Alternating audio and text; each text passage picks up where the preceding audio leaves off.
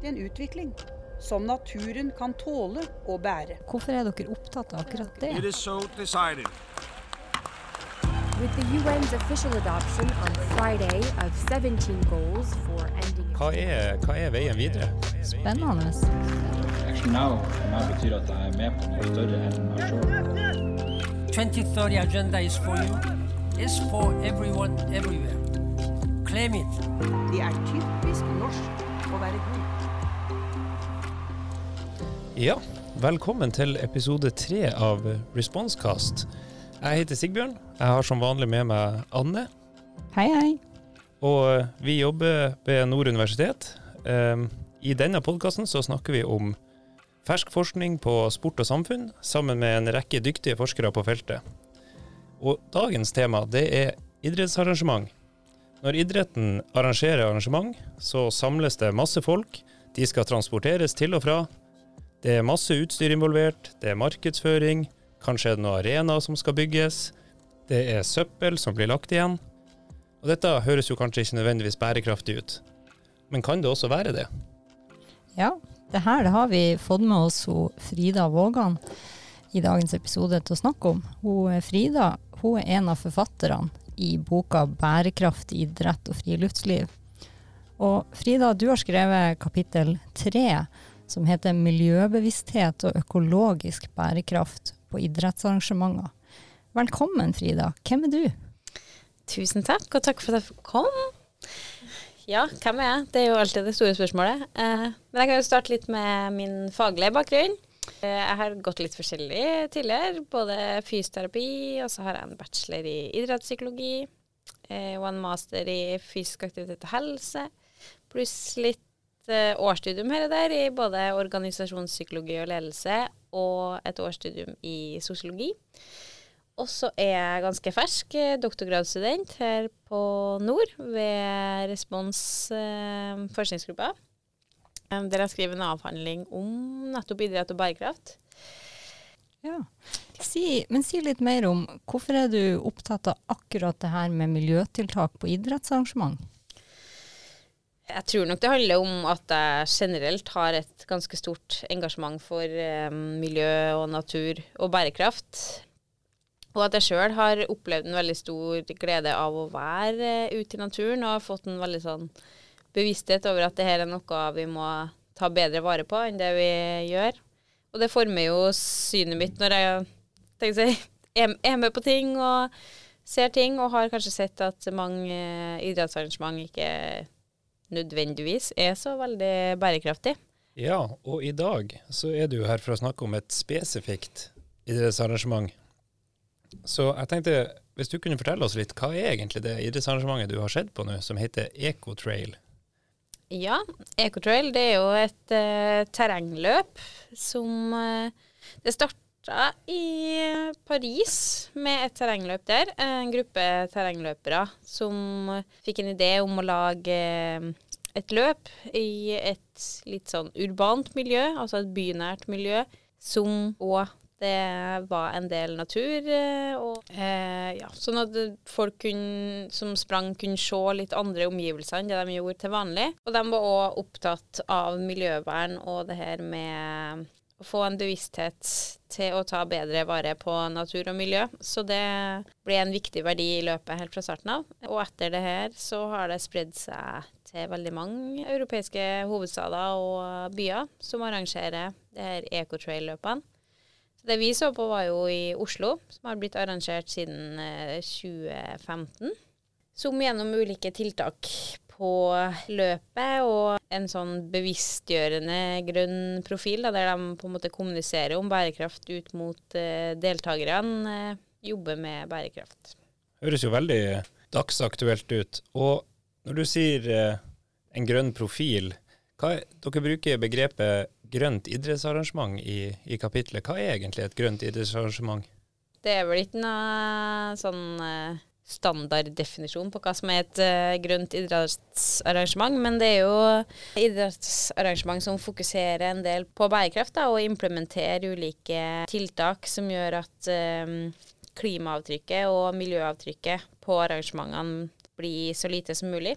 Så sånn som på Ecotrail så har de eh, ulike tiltak, sånn som eh, at de rydder løypene og fokus på avfallsorientering, hvordan eh, mat som serveres, hvordan eh, merch som deles ut, osv. Så, det er jo sånne tiltak som flere og flere arrangement har begynt å implementere litt. Det er ikke det er ikke noe offisielle krav til å være et grønt idrettsarrangement, men gjerne et arrangement som setter fokus på det her med bærekraft og miljø, da. Vet du om Ecotrail er særegent i norsk sammenheng i den forstand, eller finnes det flere sånne type grønne idrettsarrangement? Det er flere som har begynt å implementere det, fordi at eh, NIF bl.a. har utarbeida en sånn miljøveileder for idrettsarrangementer. Så mange av tiltakene begynner man å se på flere arrangement, men den her typiske frontinga av at man er et bærekraftig arrangement, det ser man kanskje ikke så veldig mange av. Som, ikke som jeg vet, i hvert fall. Eh, Jeg vet at eh, Paralympics-VM i snøsport, som ble arrangert på Lillehammer i fjor, eh, hadde et veldig stort fokus på det her med bærekraft og å ha en bærekraftig profil. da, For å gå, gå foran for de her typiske retningslinjene rundt det med bærekraft. Ja, men det er jo kjempekult. Eh, Men jeg tenker litt, Frida, vi i podkasten her så er det jo mange studenter som kanskje hører på. Og nå har det jo vært litt inne på konteksten, det du har forska på, Ecotrail og miljøtiltak der. Men kan du forklare litt, hva er det egentlig du har prøvd å finne ut av? Altså hva er det her forskningsprosjektet som ligger bak kapitlet? Hva handler det om? Hva er formålet? I all hovedsak så har vi jo prøvd å undersøke hvordan sånne her miljøtiltak på idrettsarrangementer både oppleves av deltakerne, men òg hvordan det kan være med å påvirke bevisstheten deres om det her med miljø og bærekraft. Og om det har noe å si for holdningene de har, og kanskje da òg hvordan de eh, løser ulike ting i hverdagen. Om de blir inspirert til å f.eks. Eh, endre litt måten de eh, konsumerer ting på. Om de eh, kjøper veldig mye utstyr, eller tenker litt mer at det går an å kjøpe brukt, eller at man ikke trenger så mye utstyr fordi at man kjøper annen kvalitet på utstyret, eller ja, litt sånne ting. Det er egentlig litt sånn to ting her. På den Mm. ene sida selve miljøtiltakene på arrangementet, og at idrettsarrangement kan bli flinkere til å ta bærekraftige valg. Og på den andre sida om det blir lagt merke til av de som deltar, og om det har noe påvirkningskraft da, kanskje eh, Mm. videre i livet. Ja, ja absolutt. Ja, både det på en måte hvordan man kan eh, redusere sitt eget avtrykk, men òg kanskje da bevisstgjøre eh, deltakerne, sånn at de tenker over sitt avtrykk i resten av livet. da. Men er det noen grunn til at eh, akkurat sett på løping Aller mest så handler det kanskje om at eh, jeg er glad i å springe sjøl, og syns at Ecotrail er et kult arrangement, men Men det syns jeg er kjempebra at du sier, fordi at eh, det er sånn som jeg tenker kanskje mange studenter tenker, at det skal liksom være sånn eh, store tanker bak prosjektene, men ofte så er det jo fordi man er nysgjerrig på en ting, og kanskje fordi man har litt hjerte for det sjøl, da. Så for deg så er det den her litt av det hele, løpeinteressen, rett og slett. Mm. Men ja, også det at Ecotrail er et ganske unikt eh, arrangement eh, i, i hvert fall i en norsk kontekst, men egentlig eh, generelt i Europa. Og de har gått foran som et sånn her bærekraftig eller grønt arrangement da, før veldig mange andre arrangement i det hele tatt begynte å tenke på det. Og de sier jo òg sjøl at de har lyst til å være en sånn her bjellesau for, for bærekraft, sa hun eh, ene arrangøren, i hvert fall, når vi intervjua hun i forkant av, av undersøkelser. De Ja. ønsker jo å være noen som går foran. Ja, det var egentlig et eh, fint begrep. Bjellesau for bærekraft. Ja. Det, vi, kan, vi trenger flere av de. Ja. Men eh, er det noe som skiller ulike idretter sine klimaavtrykk, da? Vet vi noe om det? Ja, det er gjort noen eh, studier på det, eh, som har sammenligna ulike idretter sine klimaavtrykk. Og der fant man faktisk at sånn såkalte naturidretter, da, sånn som ski og surfing og stiløping og sykling, ofte har de største utslippene sammenligna mot eh, lagidretter, sånn som fotball og håndball. Fordi at det er forbundet med veldig mye reising ofte, og eh, bruk av dyrt og ressurskrevende utstyr. Mens ganske mange av de her lagidrettene, sånn som fotball og håndball og tennis, de ofte kan ja, dri drives ganske energibesparende da, med at det er flerbrukshaller og sånne ting. Så man utnytter, selv om det bygges arenaer for det, og ikke nødvendigvis bygges arenaer for de her naturidrettene, så er det mindre reising. Totalen blir Ja, likevel større for de naturbaserte aktivitetene. Riktig. riktig. Er det noen forskjeller på topp- og breddeidrett i denne forstand?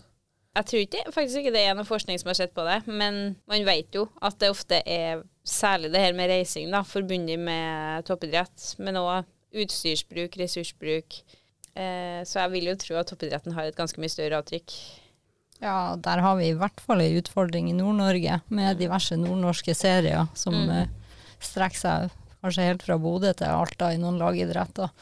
Men eh, du var inne på det her med naturbaserte aktiviteter, og i kapitlet så er det to begreper som jeg vil si er ganske sentrale. Eh, det er klimaidentitet og naturbasert aktivitet. Så hva er klimaidentitet, hva er naturbasert aktivitet, og hvordan henger de her to begrepene egentlig sammen? Ja, som sagt, da, naturbasert eh, aktivitet er gjerne idretts- og friluftsaktiviteter som eh, drives i naturområder eller enn eh, på typiske anlegg. Sånn som, eh, sånn som du har nevnt, sånn løping i, eh, i naturen, eller sykling eller ski eller surfing. Ja, At naturen er anlegget, på en Mm. måte. Ja, Ja. akkurat det. Mens klimaidentitet det handler, handler jo om eh, hvordan følelsesmessig tilknytning man har til naturen, og hvor mye man identifiserer seg med naturen som person. Om man opplever at eh, naturen er en viktig del eh, av hvem man er, og at det er viktig med nærhet til naturen for at man eh, trives i verden og livet man lever i. Men òg om man utad identifiserer seg med sånne typiske grupper som er jeg er en uteperson, liksom, eller eh, jeg er en person som liker å eh, være i aktivitet ut. Eh, Men klimaidentitet, det kan vel kanskje òg være da sånn Jeg er en miljøaktivist. Det er vel òg en type Absolutt. Selv om du, du må ikke være glad i å springe på fjellet, Nei, på det må, det må du ikke. Og ja, og bare være utad en person som er opptatt av eh, bærekraft, da, eller klima. Men hva er sammenhengen her mellom de to? Si litt mer om det. Det er en del forskning etter hvert som har satt dem her i eh, sammenheng, fordi at man har tenkt at dem som eh, har en høy klimaidentitet, at det ofte er dem som også driver med ganske mye sånn aktivitet i naturen, og at det er det at man driver med aktivitet i naturen som gjør at en blir mer bevisst på verdien til naturen og planeten, eh, eller miljøet. Og at fordi at en er bevisst denne verdien, så har en òg lyst til å ta vare på det og ta aktive grep for å ivareta det best mulig. Da. Så ja, det er f.eks. forskning som har sett på at uh, gjennom naturbaserte aktiviteter som surfing og klatring og sånne ting, så opplever de som utøver det, en, og utvikler en større bevissthet over eh, naturen. Da. Og da et ønske om å ta vare på den. Ja. Det gir jo mening fordi at eh, det blir en del av hverdagen, akkurat som eh, håndballhallen eh, blir en del av hverdagen for en håndballspiller. Absolutt. I det prosjektet du har gjort nå, med Ecotrail, hvordan har du på en måte samla inn data om det her? Vi samla inn eh, data gjennom en eh, spørreundersøkelse med dem som deltok i Ecotrail Oslo i 2021. Så det ble sendt ut en link til en sånn eh, nettbasert spørreundersøkelse via mail til alle som hadde vært med i løpet. Der vi samla litt data på alt fra demografi til da hvor ofte de var i aktivitet i naturen. Og så hadde vi med en del sånne måleindekser som har blitt brukt i tidligere forskning, som målte det her med klimaidentitet og miljøbevissthet. Så så vi på, hadde noen litt åpne spørsmål om hvordan de opplevde de her typiske bærekraftstiltakene på arrangement. Og i analysene da, så så vi i all hovedsak på fordeling på hvordan på de her skalaene og eh, demografien, kjønn, alder, eh, sosioøkonomisk bakgrunn sånn, til dem som var med på løpet, for å få et bilde på hvordan folk er det som er med på sånne arrangement. Men vi sammenligna òg eh, grupper, f.eks. dem som hadde høy score, og dem som hadde lav score på klimaidentitet, og så om det var forskjeller i eh, både holdningene de hadde generelt til det her med klima, men òg om det da var sånn at dem som var bevisst på det, var mer aktive i naturen, og ja. Veldig mye man får eh, ha prøvd å, å måle her. Litt før vi skal snakke om hva du fant ut, så tenkte jeg å høre, fordi at som Anne nevnte i stad, så kan det være mange studenter og sånn som hører på det her, og ofte når man hører om forskningsprosjekt, så er alt ferdig, alt er helt, alt gikk smooth, og, og, og ting virker veldig lett, kanskje. Eh, Så var det noen utfordringer når du holdt på med dette prosjektet? Ja, man kan jo trekke frem at det var en ganske lav eh, svarprosent. Av, eh, ja, vi, vi fikk med til slutt eh, ca. 230 deltakere av eh, 1200-1300 som fullførte løpet totalt. Og det er jo litt typisk for sånne her spørreundersøkelser som blir distribuert via mail, at det kan være litt vanskelig å få med folk.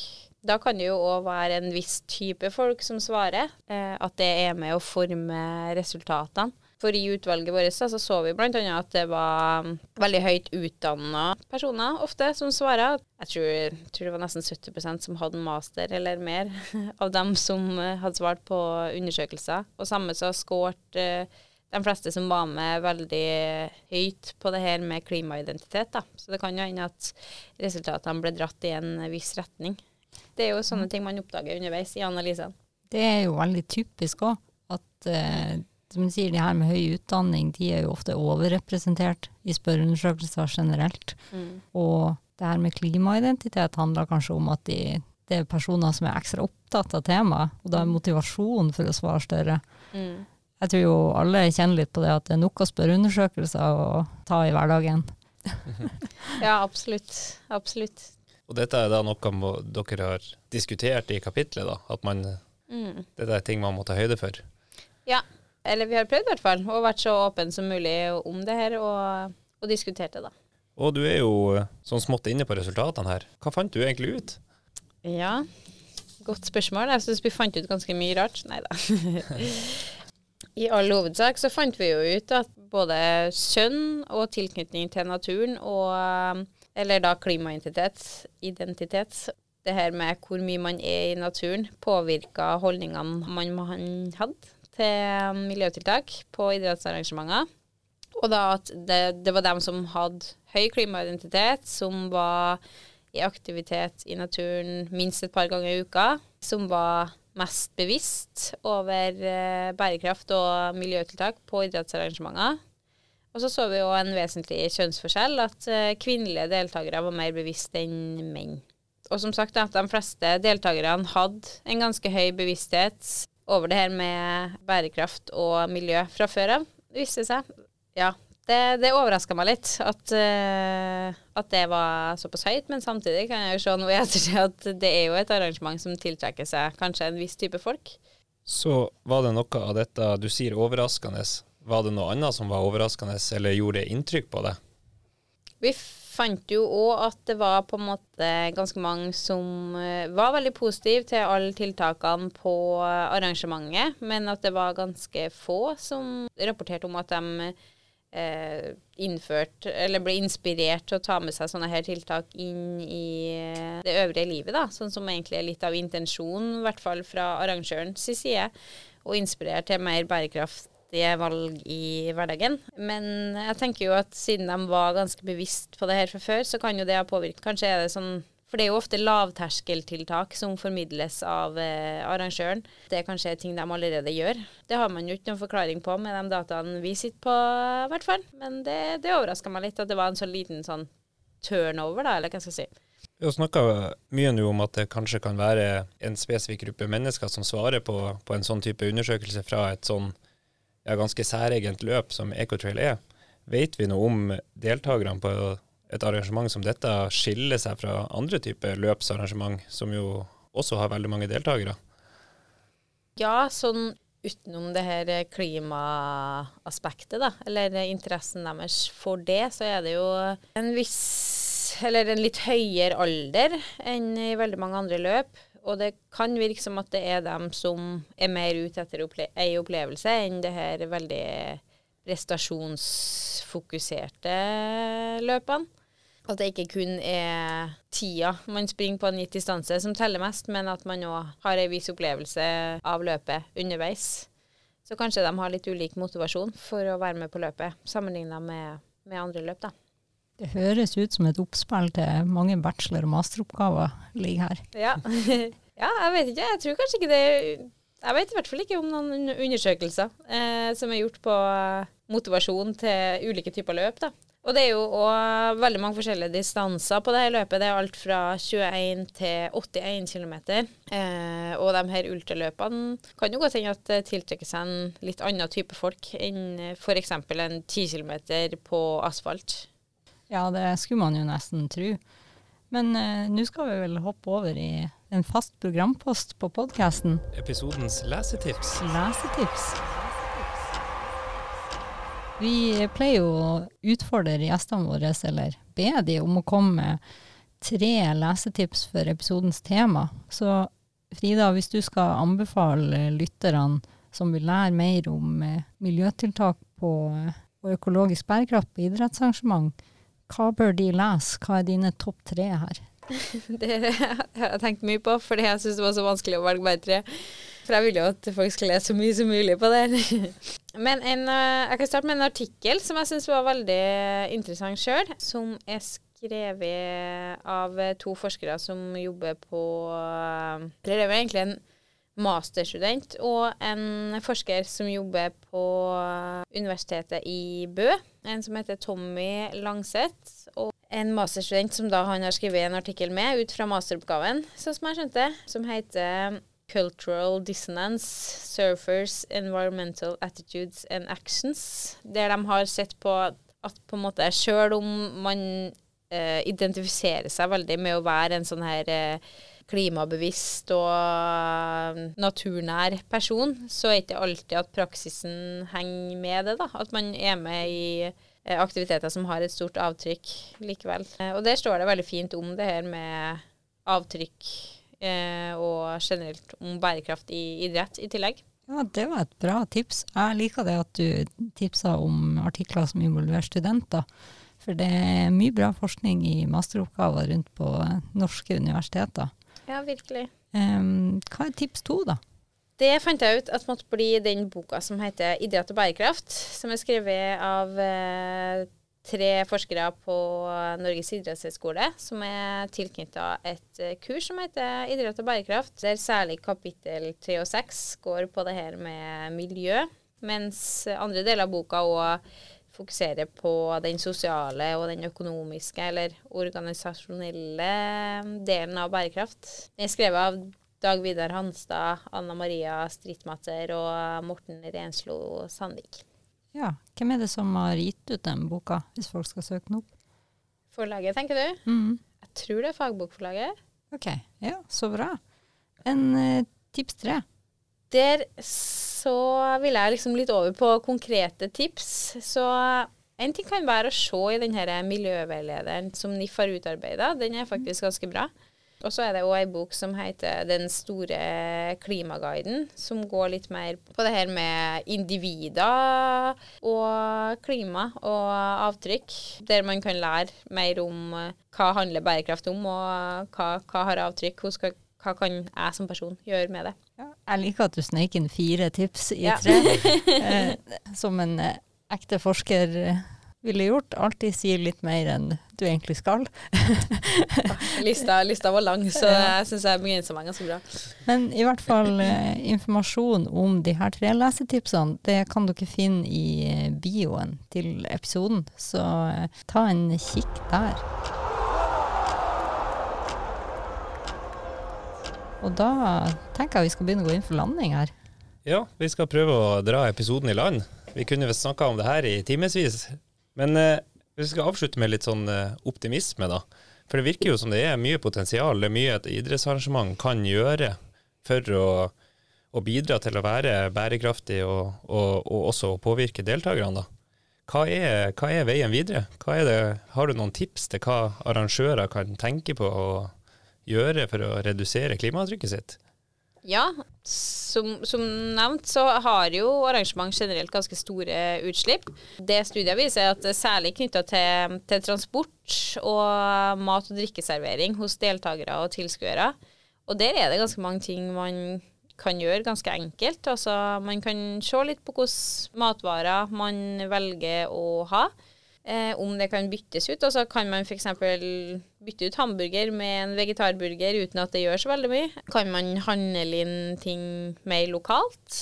Da støtter man også det lokale næringslivet og bidrar positivt der, i tillegg til at det blir mindre transport og sånne ting. Og det her med transport, altså hvis man eh, kan legge opp til samkjøring f.eks., eller å tilpass tilpasse tilbudet med kollektivtransporten som er i nærheten, så er det Det ville ha utgjort ganske mye, da. Her har de f.eks. i Bundesligaen i Tyskland tilbudt um, gratis transport med kollektivtransporten uh, til, til kampene i, uh, i ligaen, og sett at en veldig stor effekt av det. da.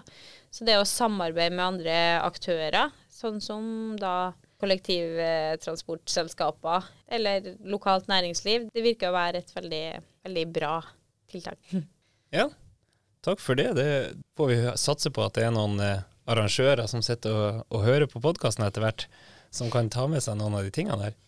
Jeg kom på ett et tiltak til som eh, de på en måte hadde veldig fokus på på Ecotrail òg. Det her med sponsorer og sponsoreffekter. At sponsorene heller kan kanskje ha en litt alternativ måte å vise seg fram, istedenfor å gi ut bøffer eller eh, reflekser eller eh, masse sånne her småting som man egentlig ikke trenger. Så kan de heller sammen med arrangøren synliggjøre en bærekraftsfakta på arrangementet, eller eh, ja, sånn som å sette fokus på det med gjenvinning, da, og lage, en, lage noe ut av en sånn her gjenvinningsstasjon. Eller sånn som noen fotballklubber gjør, sånn som Bodø-Glimt, som jeg liker godt. Har hver kamp en samarbeidspartner som eh, synliggjør et bærekraftsmål eller et uh, tiltak for bærekraft. Så tenk litt, tenk, tenk litt nytt med det her med sponsorer, at man ikke bare skal drive og gi ut masse ting. Så er det kanskje litt opp til oss som deltar på diverse arrangement også, å tenke litt over hvordan vi bruker utstyr sjøl, og at vi nødvendigvis ikke trenger å ta den refleksen eller den bøffen hver gang heller. Absolutt. Men da har vi jo eh, virkelig fått en, eh, innføring i, i dette med økologisk bærekraft ved idrettsarrangementer. Og vi må jo takke så mye for at du tok turen, Frida, og ville fortelle oss om det her. Ja, så som dere hører, jeg blir fort engasjert på det her, så jeg kunne snakka kjempelenge. Så takk for at jeg fikk eh, komme og snakke om det. Supert. Og da takker vi også til de som hører på podkasten. Og følg oss gjerne der du hører på podkaster, så får du varsel når det kommer nye episoder. I episode fire, som er den neste, da skal vi snakke om helse, bærekraftig utvikling hos idrettsutøvere, spiseforstyrrelser og klatring. Vi høres. For vår egen og våre barns framtid.